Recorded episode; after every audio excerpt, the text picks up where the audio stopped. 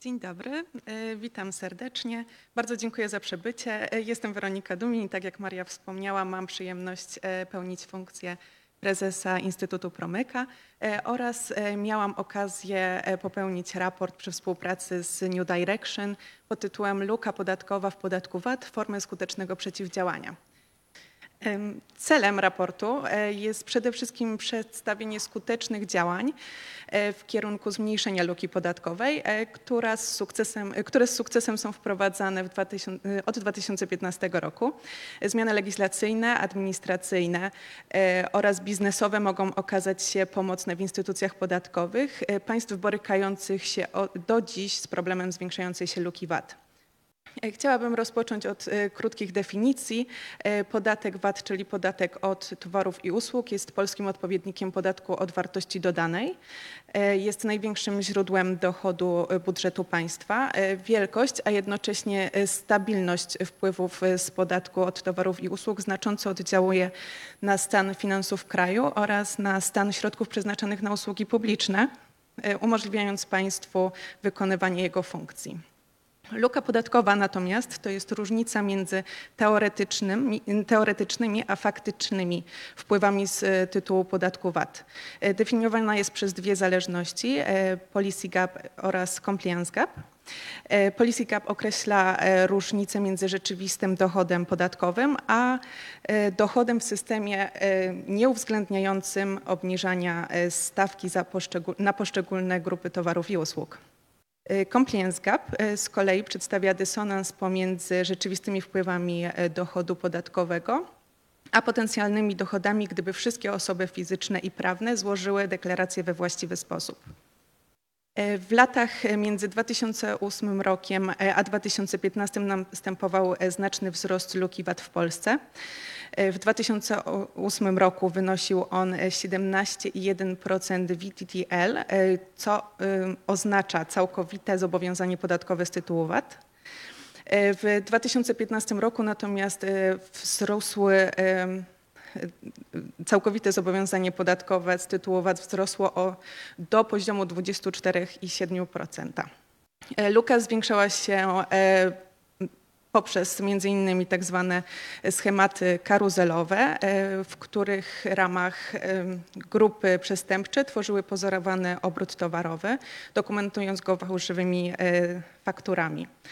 E, Poprzez takie działania Skarb Państwa potrafił stracić miliardy euro, a uczciwi przedsiębiorcy mierzyli się z fikcyjnie dużymi konkurentami. E, Z kolei e, eksperci Parlamentu Europejskiego również zwrócili uwagę na problem finansowania działań terrorystycznych z funduszy pochodzących z oszustw podatkowych. E, Sukces związany z uszczelnianiem systemu VAT to efekt połączenia poprawy koniunktury polskiej gospodarki e, z pracami związanymi w głównej mierze ze zmianami e, legislacyjnymi, administracyjnymi oraz rozwinięciem współpracy z przedstawicielami świata biznesu. E, Wskazane działania e, powinno się e, analizować łącznie, ponieważ koordynacja zmian w administracji pod- podatkowej wraz z poparciem ze strony prawnej oraz współpracą biznesową pozwoliła na znaczną redukcję luki podatkowej w podatku VAT w Polsce. E, Chciałabym teraz pokrótce przedstawić e, e, zmiany w tych trzech obszarach, czyli legislacji, administracji oraz współpracy biznesowej. W kontekście sfery legislacyjnej wśród skutecznych działań znalazły się odwrotne obciążenie, czyli mechanizm polegający na przeniesieniu płatności podatku VAT określonego w katalogu towarów i usług z dostawcy na nabywcę.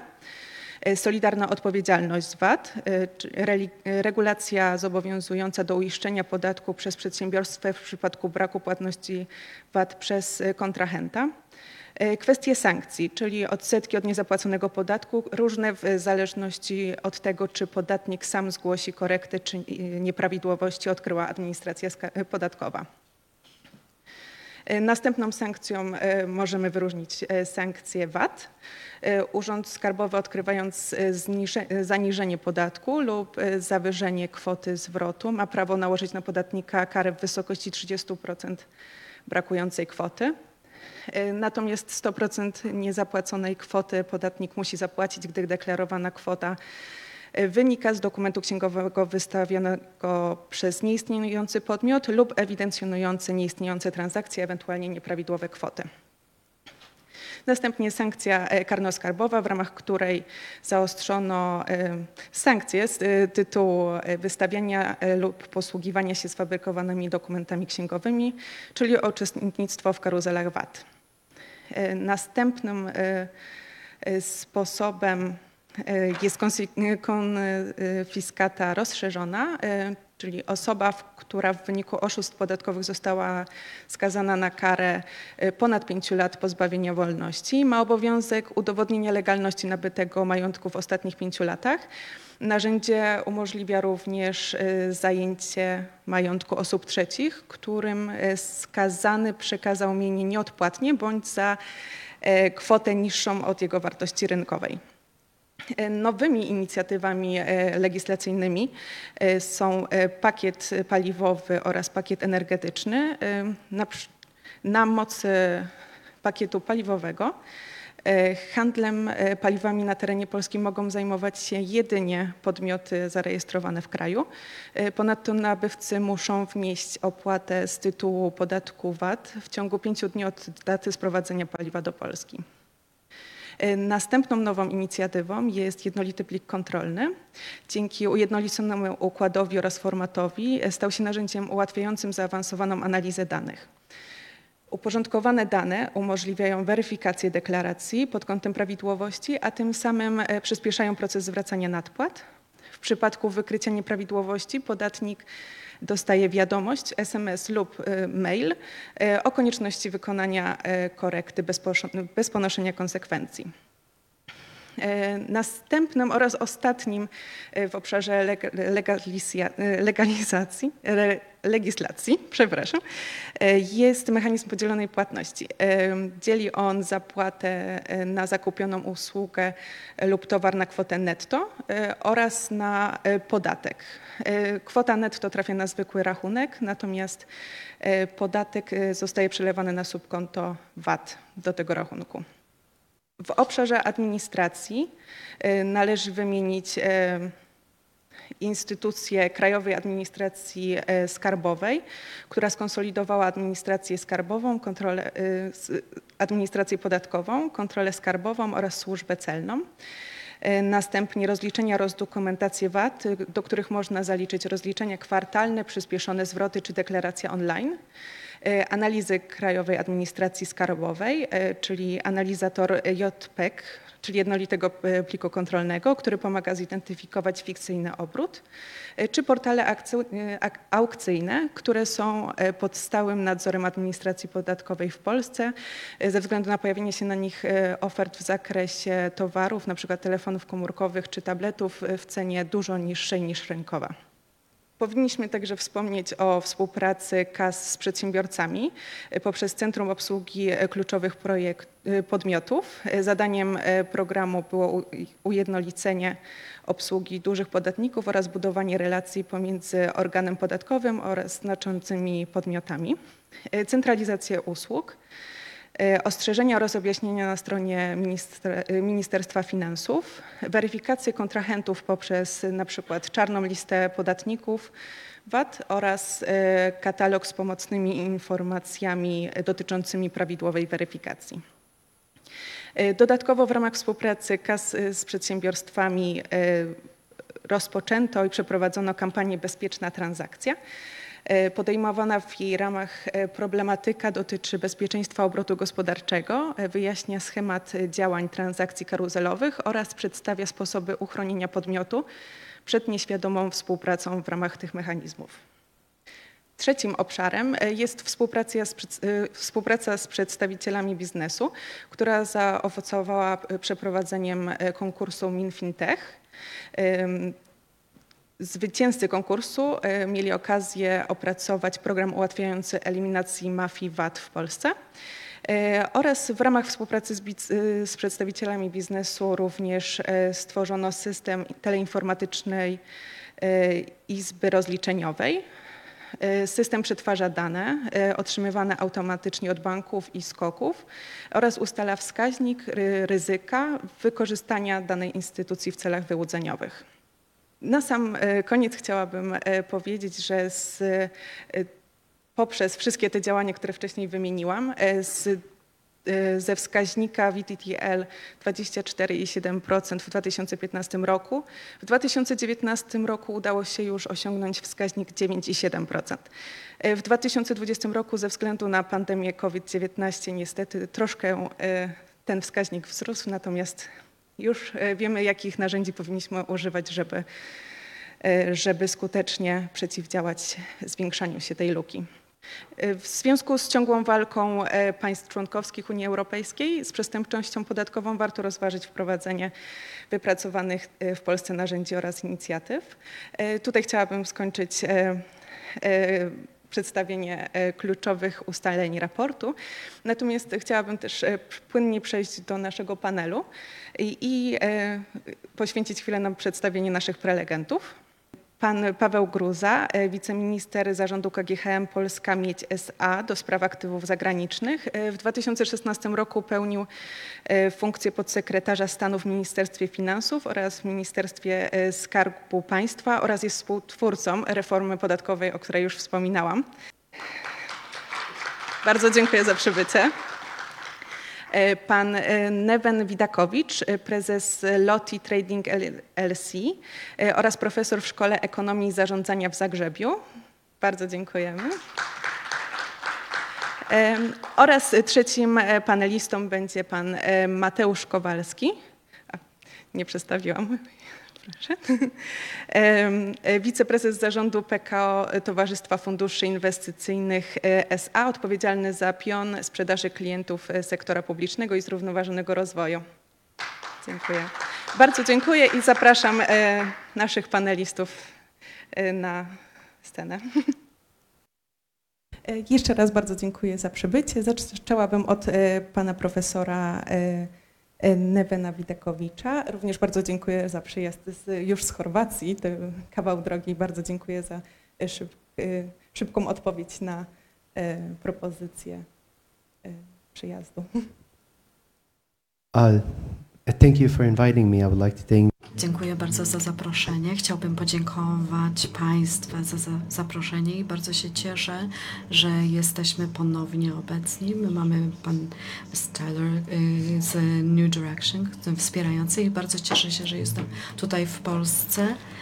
E, szczególnie jeżeli chodzi o Polskę, jak radzi sobie e, z kryzysem i jestem dużym fanem polityki pieniężnej e, w Polsce i cieszę się, że są przedstawiciele i rządu i biznesu i że jest ta współpraca. Bardzo mi się to podoba. Cieszę się, że jest wspierana ta inicjatywa młodych ludzi, którzy e, walczą o to, tak jak e, przywództwo nowych pomysłów. I Państwo rzeczywiście zespołem tego dokonujecie.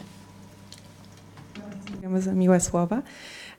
Chciałabym e, zapytać, ponieważ mieszkał Pan Profesor w, Stanach Zjednoczonych, a w Stanach Zjednoczonych nie ma podatku VAT.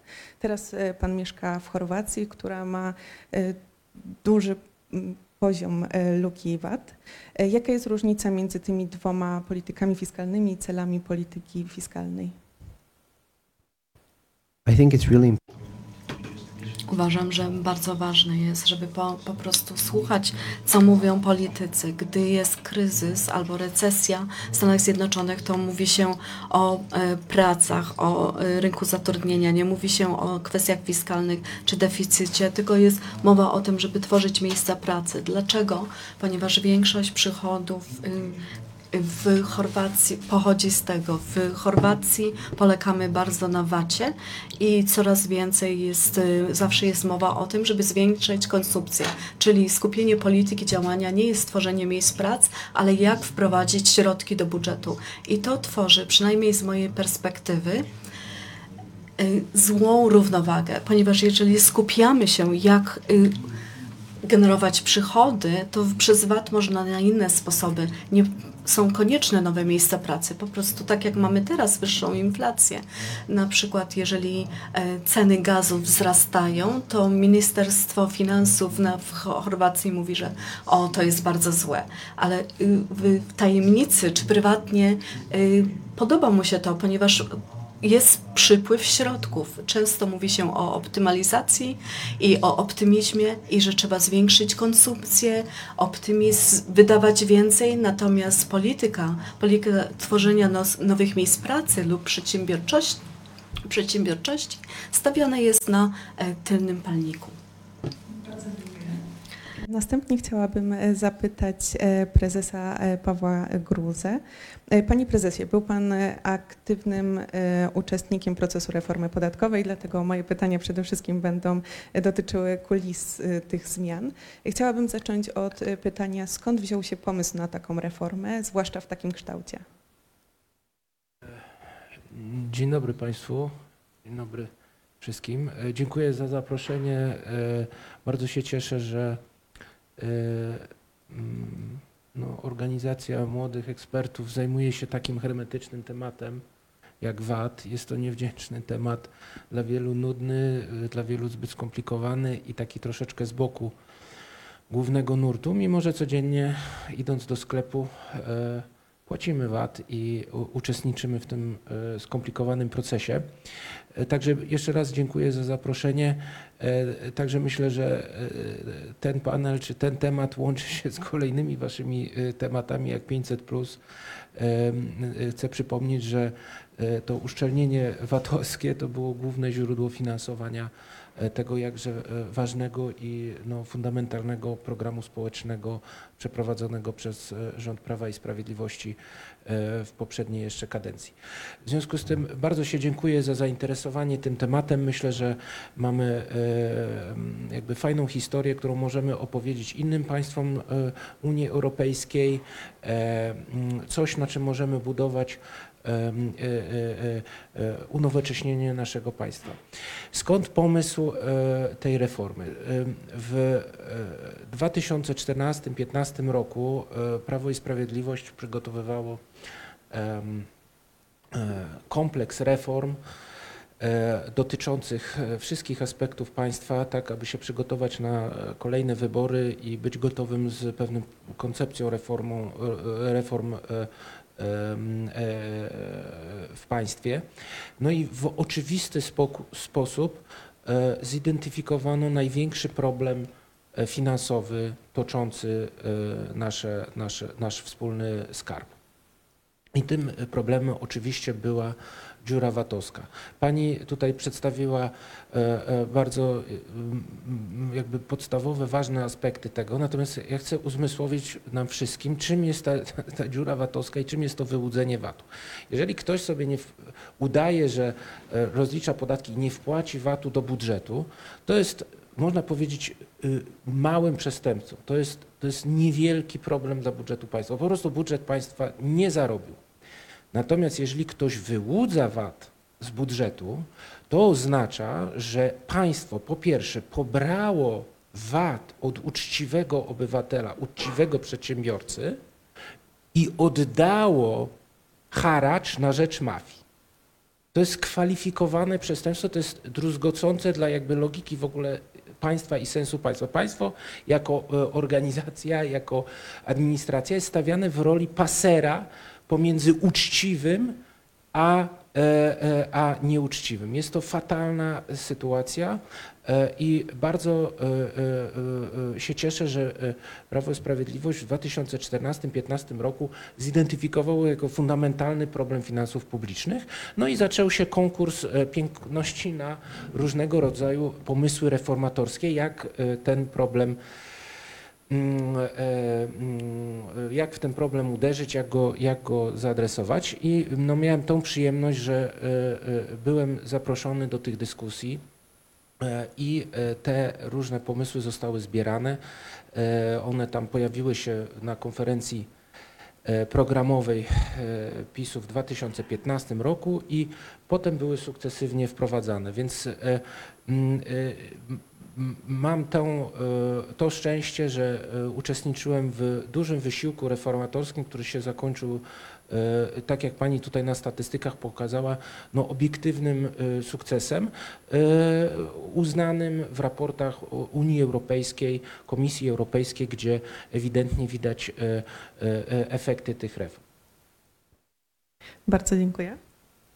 E, Następnie chciałabym e, zapytać e, prezesa Mateusza Kowalskiego. Jak rozwój regulacji w zakresie ESG może wpłynąć na ocenę luki VAT-owskiej w poszczególnych krajach? Raz, raz, okej. E, To jest bardzo, to jest bardzo ciekawe pytanie, bardzo ciekawy temat. Może pokrótce wyjaśnię, na czym, na czym obecnie polega, polega mm, ESG. ESG to jest e, taki nurt w tej chwili, który pojawił się w regulacjach europejskich, który ma przede wszystkim e, zapobiegać e, green, greenwashingowi. I wprowadzać, czy wprowadzać wymóg na, na, na spółkach publicznych, a także na dostarczycielach wszelkiego rodzaju produktów finansowych, raportowanie, raportowanie w tym w zakresie ESG oraz, oraz uwzględnianie w swoich decyzjach inwestycyjnych e, ryzyk, e, a także tych tak zwanych głównych niekorzystnych e, skutków e, decyzji inwestycyjnych na e, zrównoważony rozwój. I ESG składa się z, z trzech elementów. Oczywiście ten pierwszy element, czyli literka e, I, odpowiadająca za environment, czyli środowisko, e, odpowiada za kwestie związane właśnie z ochroną klimatu, z ochroną środowiska, e, to aby e, jeżeli firma, mm, jeżeli spółka e, publiczna e, inwestuje e, w, w na przykład w jakieś e, zielone aktywa, no, e, tutaj regulacje w tym zakresie odpowiadają za to, żeby sprawdzić, czy rzeczywiście to jest, to jest inwestycja mm, w zielone, e, w zielone e, aktywa. Ale mamy jeszcze dwa, dwa, dwie pozostałe literki, czyli S i G. S, który odpowiada za e, e, kwestie e, socjalne, tak? e, pracownicze, e, kontaktu z lokalną e, społecznością i oddziaływania firmy e, na e, tą lokalną społeczność, a także G, czyli governance. I tutaj e, w zakresie, e, w zakresie governance, czyli powiedzmy mm, tego ładu e, korporacyjnego jest jasno, jest, jest ten element również uczciwego płacenia podatków przez, przez firmy. I oczywiście w tej chwili tego, w tej chwili, w tej chwili tego, to w tych regulacjach ESG się w tej chwili nie znajduje, natomiast sama, sama, mm, e, sama materia tych e, regulacji ESG e, no, zwiększa się i będzie tylko zwiększało swoje znaczenie na, e, na rynku finansowym. I mówiąc szczerze, jestem w stanie sobie wyobrazić sytuację, w której e, e, jednym z elementów e, oceny, na przykład zielonych obligacji skarbowych, e, będzie, mm, będzie to, jak wygląda sytuacja ze ściągalnością e, podatków e, w danym kraju, co oczywiście wpłynie również na, e, na, na wycenę takiej, to co mogłoby oczywiście też wpłynąć na wycenę takiej, takiej obligacji. Jakby mówię jasno, że w tej chwili tego nie ma, ale cały obszar ESG jest obecnie formowany i patrząc w jakim kierunku to zmierza i jak wiele obszarów zaczyna to obejmować, jestem przekonany, że również luka VAT-owska może wpływać właśnie na e, zdolności e, zaciągania e, na przykład długu czy emitowania zielonych obligacji przez, przez, prze, przez e, poszczególne państwa. I może się zdarzyć tak, że jeżeli ktoś będzie, że jeżeli w, w, da, w danym państwie ta luka VAT-owska będzie wyższa niż w innym, to może to wpływać na to, w jaki sposób wpływać na e, kwestie e, związane z emisją e, właśnie obligacji. Bardzo dziękuję. Mm, Runda druga. E, Profesorze, e, chciałam zapytać, ponieważ przeprowadził Pan e, badania dotyczące wpływu e, cyklu kredytowego na dochody z VAT, e, jakie powiązanie Pan znalazł? Um, I created basically a model Stworzyłem w istecie model, gdzie gospodarstwa domowe nie trzymają się tak zwanego modelu y, takiego, tak, y, takiej karuzeli, to dla rządu jest bardzo ważne, żeby zrozumieć skąd pochodzą środki. Więc jeżeli pobieramy ten VAT, to skąd pochodziły te środki? E, W istocie mamy gospodarstwo domowe, które otrzyma jakiś przychód, dochód i wydaje to, ale w pewnych okresach może być e, pewien taki e, VAT sprowokowany. Pomiędzy 2000 i 2008 roku mieliśmy zwiększenie e, pożyczek e, gospodarstw domowych, czyli rząd otrzymuje VAT od tych wydatków. I nagle rząd, y, to się zatrzymało i rząd miał lukę 5 do 6 milionów euro, który luka watowa, watowska, której nie można było e, wypełnić i nie udało się uzyskać, ponieważ te środki tak naprawdę nie pochodziły z rzeczywistej aktywności ekonomicznej. Mamy podobną taką sytuację, ponieważ stopy procentowe są tak niskie, że e, nie ma aktywności pożyczkowej, ponieważ marża jest niższa niż koszt e, zdefoltowanych defoltowanych kredytów. Także to z ekspozycja rządu w bilansie jest większa niż ekspozycja e, dla firm. Jeżeli chcemy pożyczkę długoterminową, to dlaczego nie dać pożyczki na mieszkalnictwo? I nagle mamy taki boom, boom detaliczny, jeżeli chodzi o sektor mieszkalnictwa. Rząd wtedy uzyskuje VAT i wcześniej czy później to się skończy i przychody z VAT-u spadną. Dlatego bardzo ważne jest, żeby państwo zrozumiało, ile rzeczywiście środków pochodzi od rzeczywistej działalności ek ekonomicznej, a ile z polityki bankowej pożyczkodawców. To może wydać się dziwne, ale obecna polityka em, fiskalna, która pozwala na to, żeby e, detaliczne e, stworzyło problem fiskalny w przyszłości. Także podnoszenie stawek e, procentowych to nie jest tylko, żeby walczyć z inflacją, ale również, żeby radzić sobie z kryzysem kredytowym. I w 2000, co się wydarzyło w 2009 roku, to ponownie się wydarzy, ponieważ nagle zakup domów i mieszkań, nieruchomości spadnie i będziemy mieli ogromną lukę. Dlatego z moich badań w polityce fiskalnej pieniężnej. Ważne jest, żeby zrozumieć, z jakich działalności ekonomicznej, mm, ile VAT-u pochodzi z różnych działalności ekonomicznej, a ile z mm, bankowych sektora pożyczkowego. za przybliżenie nam bardzo ciekawego e, i wiele mówiącego e, badania. Na pewno bardzo chętnie rozważymy to tutaj również. E, Chciałabym, e, prezesie e, Gruza, chciałabym zapytać, jak wyglądała relacja z Unią Europejską w trakcie przygotowań i wprowadzania zmian? Dziękuję, dziękuję za to pytanie. Myślę, że ono jest kluczowe i najważniejsze jakby w tym, w tym całym kontekście. Więc chciałem ad vocem do tego, co pan profesor powiedział. Nie czytałem pracy pana, pana profesora, ale nie mogę się e, jakby super identyfikować z, z tym, co powiedział. Absolutnie jest tak. E, Polityka kredytowa, e, czy aktualna sytuacja z e, kredytem konsumenckim e, e, e, powoduje pewne miraże i pewne e, takie nieprawdziwe, e, pozytywne e, konsekwencje VAT-owskie i te e, miraże mogą uwieść i porwać decydentów i rządzących i mogą spowodować, że oni uwierzą, że faktycznie jest więcej VAT-u niż tak naprawdę gospodarka generuje. E, Te efekty, o których mówił pan profesor, troszeczkę są mitygowane, choćby przez to, że jednak mieszkania są opodatkowane niższą stawką VAT-u. W związku z tym e, tutaj nie ma takiego e, przełożenia związanego no, z wysoką wartością VAT-u. Już nie pamiętam ile w Chorwacji jest VAT-u, ale chyba więcej nawet niż w Polsce, chyba 25%. E, E, mm, e, Przypomnę, mieszkania w Polsce są jednak na, na stawce obniżonej 8%. E, Ale zobaczmy na przykład na e, ten system em, inwestycji, który jest proponowany przez Unię Europejską w ramach e, tych funduszy pokowidowych.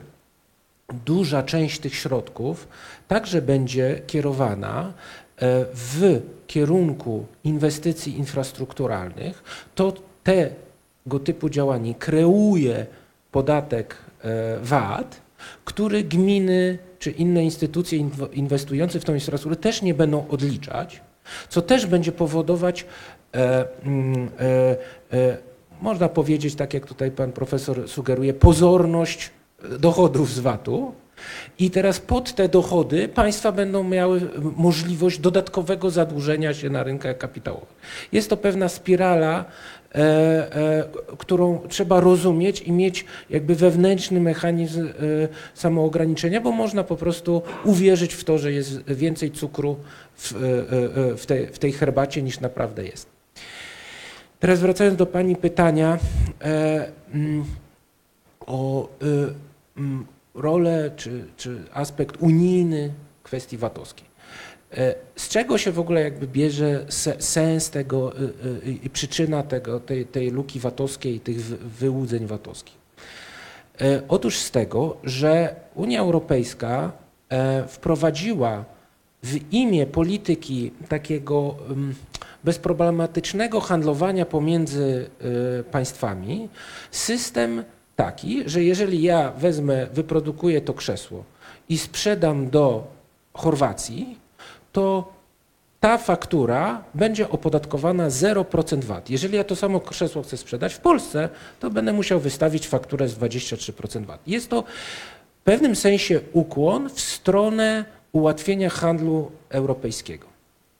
Teraz tak, żeby zrealizować ten postulat polityczno, że tak powiem, y, y, y, unijny, czy wspólnotowy, bo to jeszcze przecież w latach pierwsze dyrektywy to jest to końcówka lat 60., dru, y, y, y, szósta dyrektywa to była e, końcówka lat 70. Jestem rówieśnikiem e, jakby tej głównej dyrektywy VAT-owskiej.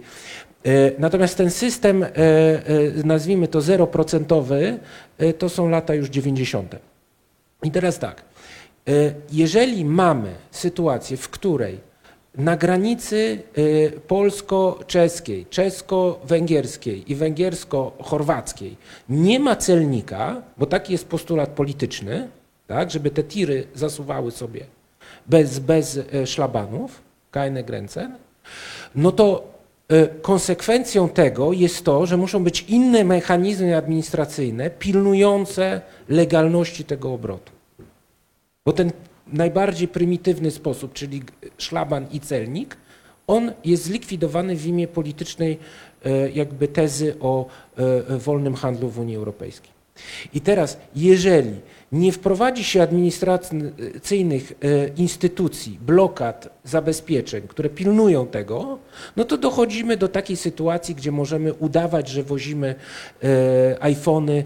Polska była w, w pewnym momencie największym eksporterem iPhone'ów na świecie. W Polsce nie, nie ma ani jednej fabryki iPhone'a na świecie w, e, w ogóle. W związku z tym problem polegał na tym, że państwa zachodnioeuropejskie miały różnego rodzaju mechanizmy e, mitygujące te ryzyka i wyzwania, mimo otworzenia granic, natomiast państwa zapóźnione, takie jak Europa Wschodnia, jak Polska, takich mechanizmów nie miały. I pytanie jest, czy to jest y, świadomie, czy nieświadomie, zostało po wprowadzeniu Europy Wschodniej do Unii Europejskiej i objęciu e, tym mechanizmem VAT-owskim krajów o no, niższej kulturze administracyjnej, e, tym mechanizmem 0%, no to doprowadziło do właśnie wybuchu e, wyłudzeń VAT-owskich.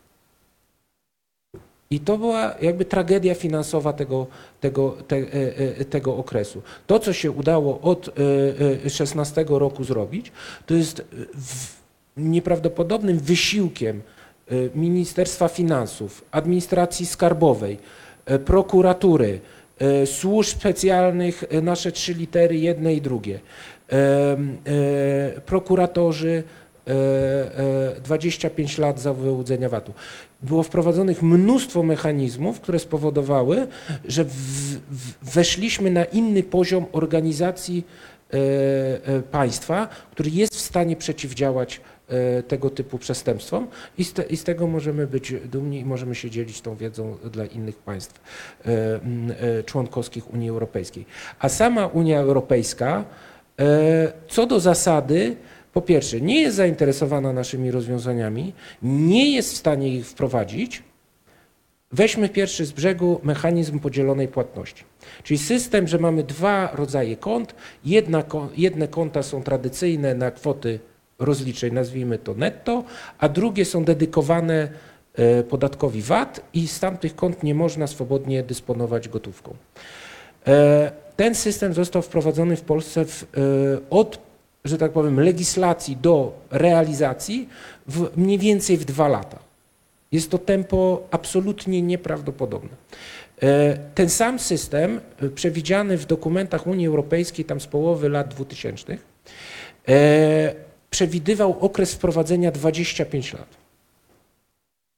Jest to jakby niewykonalne na poziomie e, e, Unii Europejskiej. Co więcej, wiele z tych naszych rozwiązań, gdyby były proponowane w Unii Europejskiej, a były, są blokowane przez po, po, poszczególne jurysdykcje, bardzo takie niszowe, małe państwa, które często korzystają z różnego rodzaju luk, VAT-owskich czy w podatkach dochodowych. Państw, czyli Unia Europejska nie jest w stanie samo się naprawić, i ten system, y, y, y, który no jest dziurawy, on niestety nie jest możliwy do naprawienia na poziomie Unii Europejskiej. Co więcej, Unia przeciw, przeciw, działa w, przeciwieństwie do tych naszych reform. Niektóre te reformy dotyczące y, sentu dzisiaj są przez y, Europejski Trybunał Sprawiedliwości uznane jako za nielegalne.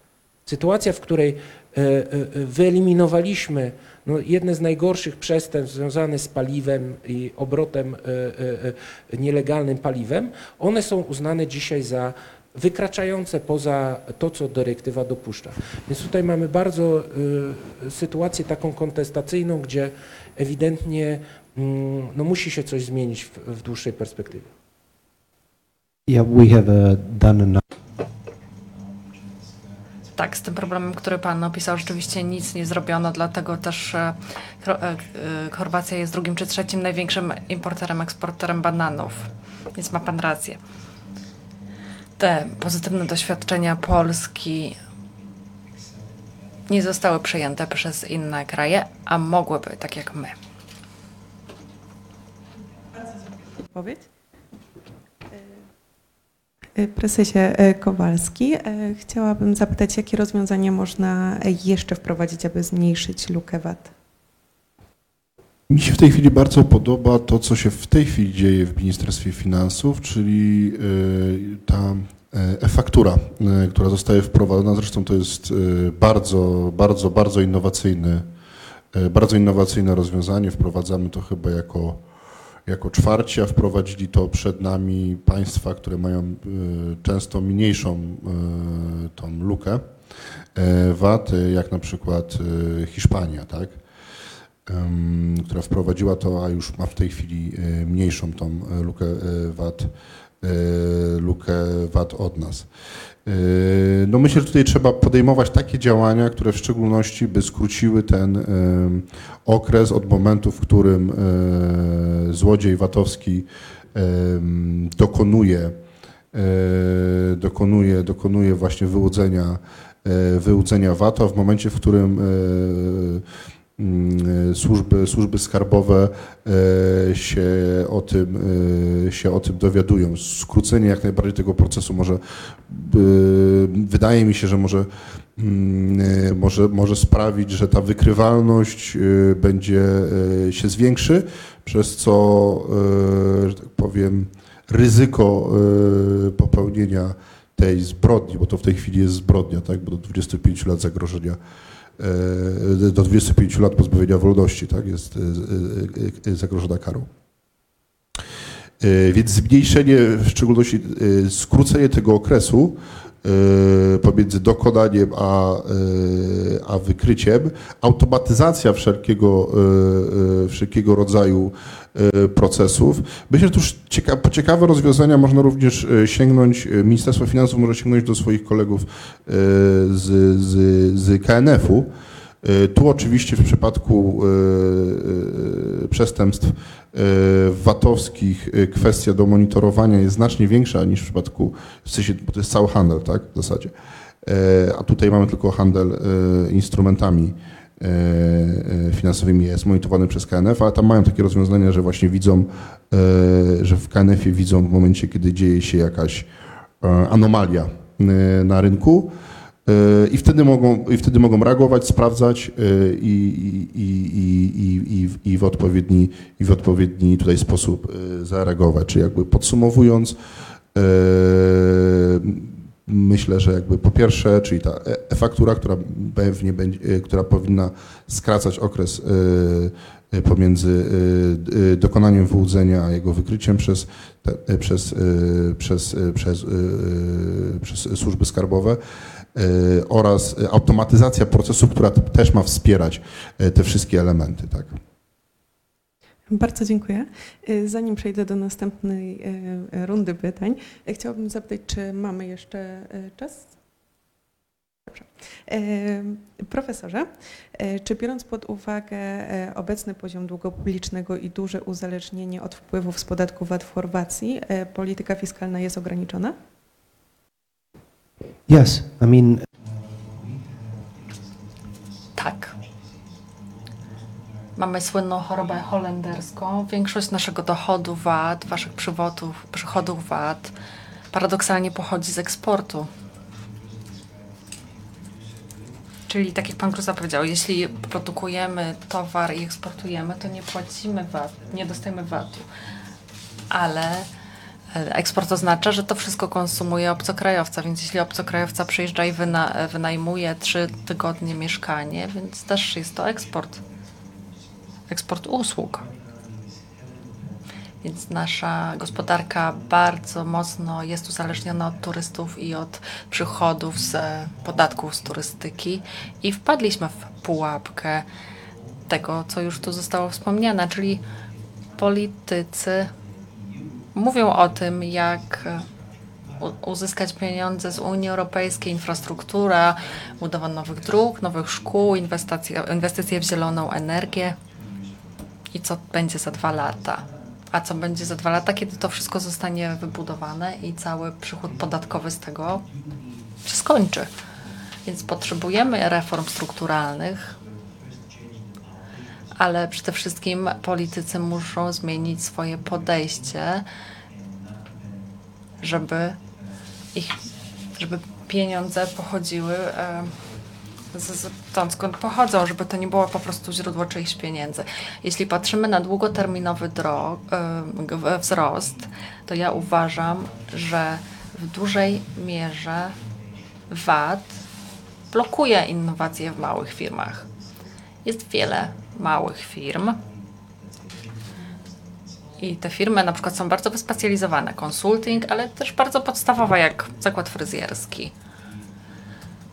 I one na przykład mają e, bardzo mało naliczonego VAT-u. Jeśli mamy mały próg, niski próg, żeby podejść pod VAT, to e, cena nagle bardzo rośnie w górę i utracimy konkurencyjność. W Chorwacji to, co było bardzo szkodliwe dla małych, nowych firm, to w momencie, kiedy się wystawia fakturę, trzeba już zapłacić VAT. Nawet jeśli nie ściągniemy tych pieniędzy od klienta, to już e, mamy obowiązek podatkowy. Tak było, ale na szczęście kilka lat temu to zniknęło. Ale jeśli próg podatkowy naprawdę jest niski, żeby podpaść pod VAT ktoś zaczyna, zakłada firmę i chce być konkurencyjny, to mała firma traci w ten sposób konkurencyjność. Więc ja przede wszystkim podniósłbym ten próg wejścia z 40 tysięcy euro obecnie do 60 czy nawet więcej, żeby to było opcjonalne. Ale już samo to nie zwiększy konkurencyjności, bo na przykład Włochy mają punkt wejścia 65 tysięcy, a wiemy, że to nie jest bardzo przedsiębiorcze państwo, więc potrzeba jeszcze innych rozwiązań. Ale myślę i mam nadzieję, że paneliści się ze mną zgodzą, że słuchanie zwykłych obywateli jest bardzo ważne. Ja na przykład rozmawiam z moją, moim fryzjerem. Kiedy podnieśli VAT z 10 do 40 tysięcy, moja fryzjerka powiedziała, już nie muszę płacić VAT-u. I mam tyle pieniędzy, że nagle nie wiem, co z nimi zrobić. Nagle mam dodatkowe 5 tysięcy euro i mogę je sobie wydać. Mam duży przychód, mam duże zyski. Mogę więcej zapłacić moim pracownikom. I nagle życie stało się lżejsze, bo nie musimy płacić VAT-u. Więc wydaje mi się, chociaż nie prowadziłam badań w tym zakresie, chociaż chciałbym o tym chętnie poczytać, wydaje mi się, że jeśli poziom VAT-u, e, jeśli to jest 5, 10, 15, 20% i próg wejścia VAT-u, myślę, że to bardzo mocno oddziałuje na przedsiębiorczość. Jeśli chodzi o politykę fiskalną Chorwacji, wszyscy wiemy, że Chorwacja zależy mocno od turystyki i przychody z VAT-u są bardzo chwiejne, w związku z tym i nieprzewidywalne. Widzieliśmy to w czasie pandemii. Ale politycy nic z tym nie robią. I myślę, że taka kombinacja e, luźnych, e, tanich pieniędzy i politycznej nieodpowiedzialności podatkowej, myślę, że ogólnie to jest e, droga do bardzo ciężkiego kryzysu i nic się nie uczymy. Bo wcześniej, jak mieliśmy kryzys, mieliśmy najgorszy kryzys w Euro- Europie. Sześć lat e, PKB na minusie. To była katastrofa gospodarcza. A politycy nie wyciągnęli w ogóle wniosków i zasadniczo teraz wpadają dokładnie w tą samą pułapkę. Prezesie Gruza, e, będę miała lekko złożone pytanie. E, Chciałabym zapytać o wspomnienia związane e, z całym procesem reformy podatkowej, w tym jakie przeciwności można było z sukcesem pokonać oraz czy jeżeli teraz Pan patrzy na proces, czy coś by Pan zmienił? Dziękuję. E, e, tak ad vocem tylko e, do tego, co pan profesor mówił. W Niemczech jest wyjątkowo niski próg wejścia do VAT-u, a nie nazwałbym niemieckiej gospodarki nieinnowacyjną czy no, mało przedsiębiorczą. W związku z tym to jest bardziej złożona kwestia niż sam próg, próg wejścia do, do, do, do VAT-u. E, Natomiast z takich e, historii, bo e, przeglądałem w myślach te, te, te lata wcześniejsze, to mm, jedna taka może historyjka Państwa zainteresuje. Kiedyś miałem szkolenie w jednym z banków, em, taki średni bank zagraniczny w Polsce, właśnie w zakresie podatku VAT. I przede mną siedziało kilkanaście pań z departamentu takich analiz właśnie e, związanych z praniem pieniędzy, z finansowaniem terroryzmu, handel ludźmi. Takie ba- banki mają taki, takie zawsze działy bezpieczeństwa. E, I ja no, swoją dzielą, dzieliłem się swoją wiedzą e, i tak widzę, że te panie tak znudzone patrzą na mnie. One wszystko to, co ja mówiłem, mi się wydawało, że jestem mądry, jakiś taki dosyć przebie, e, e, e, e, rozgarnięty w tym zakresie. One wszystko to wiedziały na pamięć i tak próbowały, żebym ja przyspieszał, przyspieszał, przyspieszał. E, No i w końcu ja się e, jakby tak e, zdenerwowałem, ja mówię, no dobrze, jak panie to wszystko tak wiedzą, to ja się za, za, za, zadam pytanie, czy jakbym panie zapytał o listę kont firm, które mają e, e, e, jakby, które e, są, są e, wyłudzaczami VAT, które są przestępcami VAT-owskimi. Czy pani by były w stanie mi to przekazać? I one mi powiedziały, tak, ja mam na biurku wszystkie te y, y, fajle firm, które wy, wyłudzą VAT. Ja mówię, jak to? Ona mówi tak, bo ja wiem, że za pół roku przyjdzie Urząd Skarbowy i poprosi o te fajle. W związku z tym ja nie wysyłam ich do archiwum, bo będę musiała jechać na minus 3 do piwnicy. Ja je sobie tu trzymam, bo wiem, że za pół roku przyjdzie urząd po te dokumenty. Ja w tym momencie zrozumiałem, no, że jest nieprawdopodobny jakby nieefektywność w tym systemie.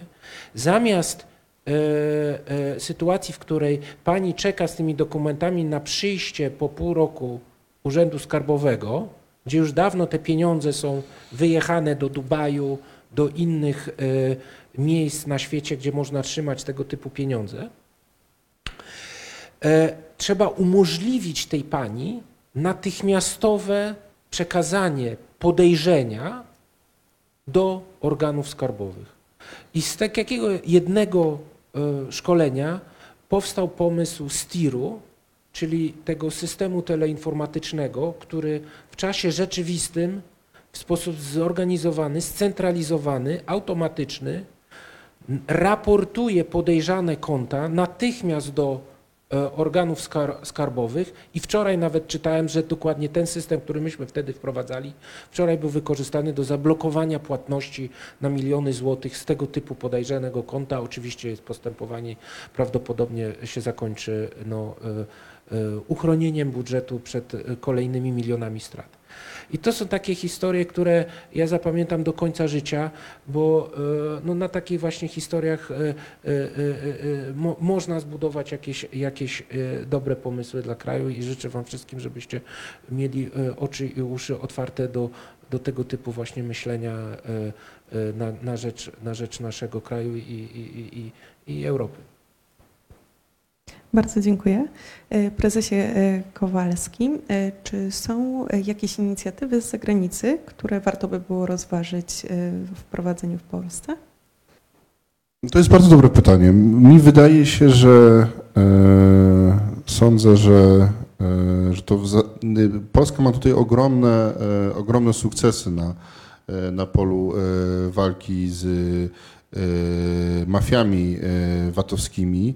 Już w tej chwili wprowadziliśmy cały szereg bardzo e, innowacyjnych e, innowacyjnych rozwiązań e, w tym, e, w tym, e, w tym zakresie.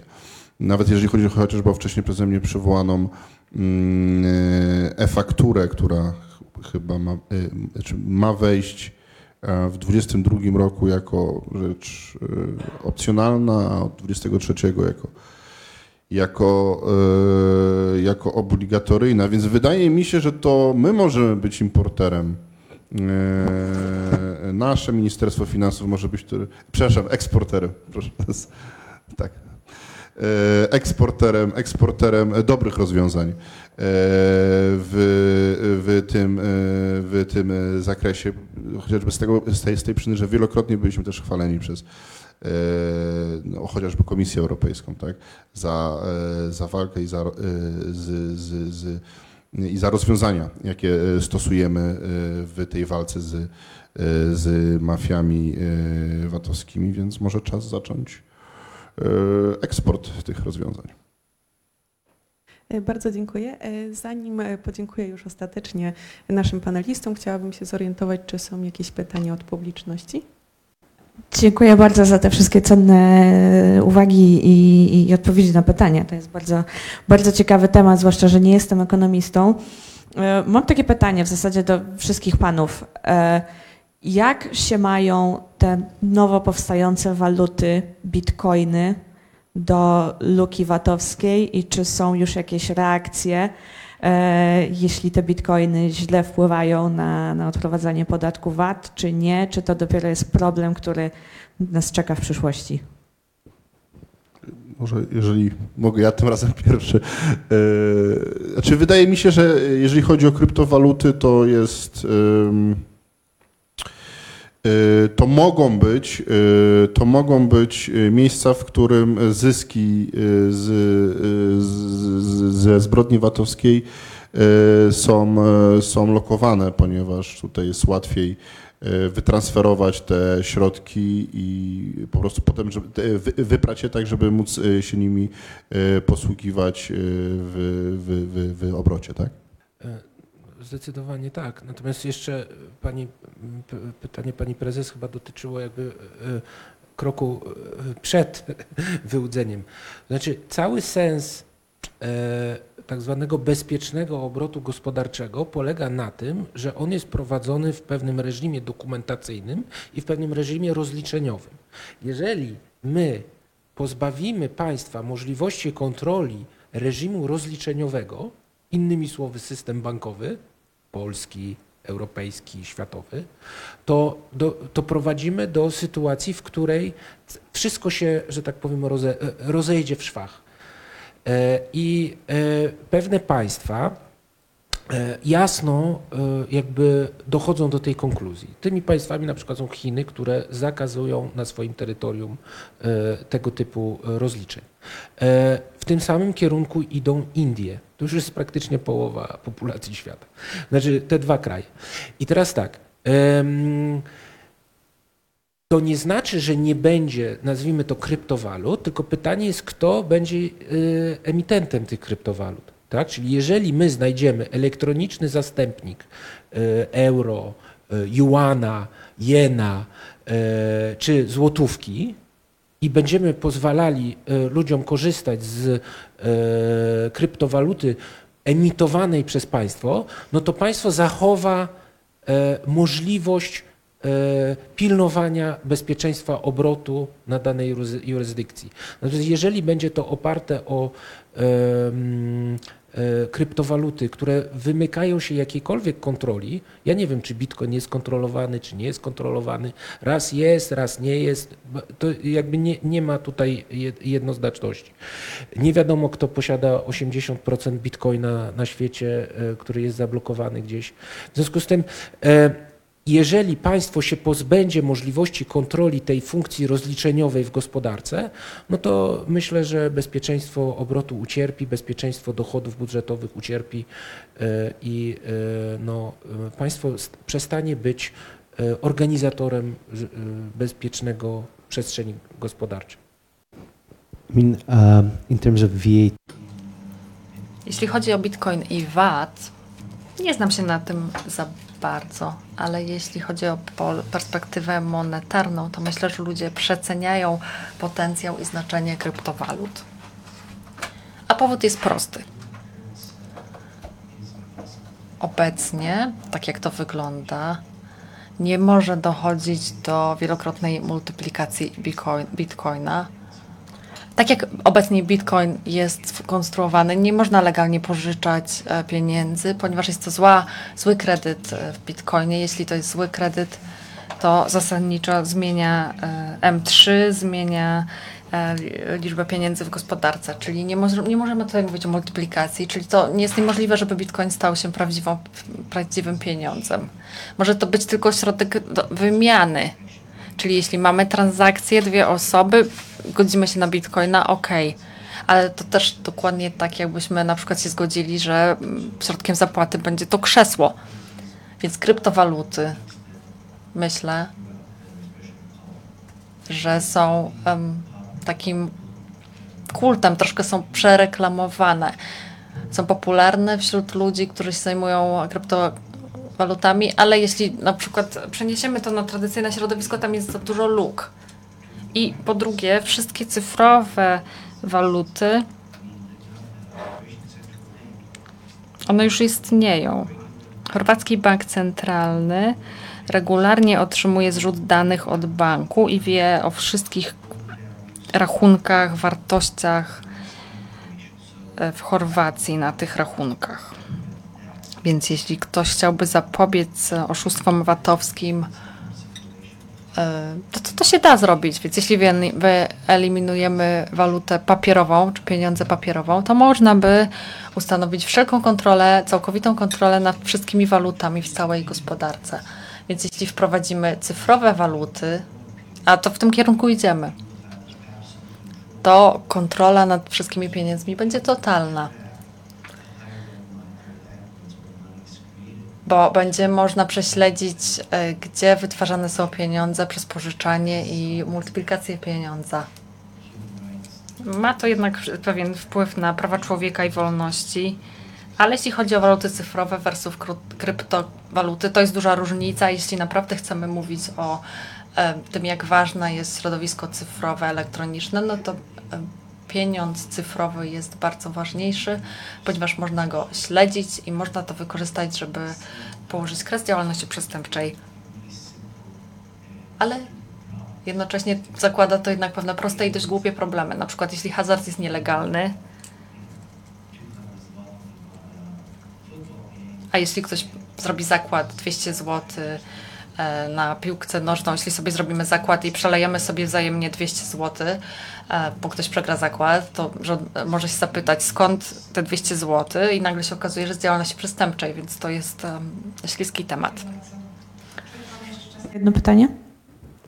E, To już chyba takie bardziej ogólne i myślę, że raczej skierowane do panów prezesów z Polski. Wcześniej tutaj pani prezes Dumień wspomniała, że ta luka VAT-owska w Polsce w ostatnim czasie troszeczkę wzrosła. E, I chciałabym zapytać, czy mm, ten nowo wdrażany program przez polski, polski rząd, mm, Nowy Polski Ład, E, Czy te rozwiązania zawarte w Polskim Ładzie, czy one będą miały jakiś e, duży wpływ na, z powrotem na zmniejszenie luki VAT-owskiej i jak szybko ewentualnie możemy się spodziewać tych dobrych efe- efektów? No, bardzo jakby ciężkie pytanie, pani. E, Po pierwsze, wydaje mi się, że dzięki temu, że się udało uszczelnić system VAT-owski, e, rząd ma e, dosyć dużą elastyczność w tym momencie. Znaczy, już abstrahując od Polskiego Ładu, wczoraj e, czy przedwczoraj premier e, Morawiecki, premier Sasin ogłosili e, tarczę antyinflacyjną, która polega na w głównej mierze obniżce e, podatków pośrednich jak VAT i akcyza na główne nośniki energii, gaz e, i elektryczność. To jest e, coś, co moim zdaniem jest możliwe właśnie dzięki temu, że się wcześniej udało uszczelnić ten system i w tym momencie można częściowo oddać pola, że tak powiem, tego fiskalnego. E, Druga rzecz, no myślę, że e, dzięki przejściu na te wszystkie jakby elektroniczne sposoby rozliczeń, e, COVID i te ograniczenia interpersonalne nie doprowadziły do zapaści po stronie finansów publicznych. To jest trochę jak z tą e-receptą, którą się udało wprowadzić przypadkowo na, na chwilę przed e, COVID-em. Tak? tak samo te systemy elektroniczne pozwalają kontrolować rozliczenia podatników, niejako siedząc w urzędzie, a nie ko- koniecznie e, przemieszczając się. Więc uszczelnienie daje rządowi bardzo dużą elastyczność. Czy Polski Ład doprowadzi do e, dalszego uszczelnienia? No tutaj byłbym ostrożny. E, e, Polski Ład mm, ma tendencję do promowania rozliczeń tak zwanych ryczałtowych. E, Rozliczenia ryczałtowe polegają na tym, że podatek jest uzależniony wyłącznie od przychodów, a nie od przychodów i kosztów. I to powoduje w pewnym sensie wbudowanie w system podatkowy takiego elementu, po co mi jest ta faktura, skoro ja i tak nie mogę jej rozliczyć w kosztach, to może zapomnijmy sobie o tej fakturze. Tak? I to powoduje jakimś, y, y, jakieś, y, jakąś ekspozycję na, na tą szarą strefę i problem po stronie VAT-owskiej. Być może ta e-faktura, która zostanie wprowadzona niebawem, pozwoli jakby dalej uszczelniać VAT. Y, Natomiast no, sam Polski Ład wydaje mi się nie, nie powoduje, nie, nie niesie ze sobą dalszego y, jakby uszczelnienia VAT-u, ale także nie był to cel polskiego, VAT, polskiego Ładu. Tak, dokładnie e, podobnie, e, podobnie sądzę, e, jak pan, e, jak pan prezes Gruza. E, Mianowicie wydaje mi się że właśnie, że Polski Ład jako, e, jako program e, no nie jest mocno jakoś skierowany w kierunku, e, w kierunku VAT-u. Jeżeli chodzi o podatki, to e, przede wszystkim e, tam jest kwestia zmian w podatkach, w podatku e, od osób fizycznych e, i od osób prawnych, PTC, tak? E, Więc e, e, e, wydaje mi się, że te działania podejmowane przez polski rząd mające na celu zmniejszenie tej luki VAT-owskiej nie są akurat zawarte w tym dokumencie, idą, idą, idą obok i w mojej ocenie są zde- zdecydowane tutaj. Dziękuję bardzo. Ja również chciałabym na zakończenie bardzo podziękować za e, ciekawą i merytoryczną dyskusję. E, Nieraz podczas panelu wybrzmiało, jak bardzo ważną e, i złożoną kwestią jest luka VAT-owska i podatek VAT ogólnie. Bardzo dziękuję za przybycie i mam nadzieję, że będą pan, panowie bardzo dobrze się bawili podczas dalszych paneli na konferencji. Wielkie Dziękuję brawa. bardzo. Dziękuję również.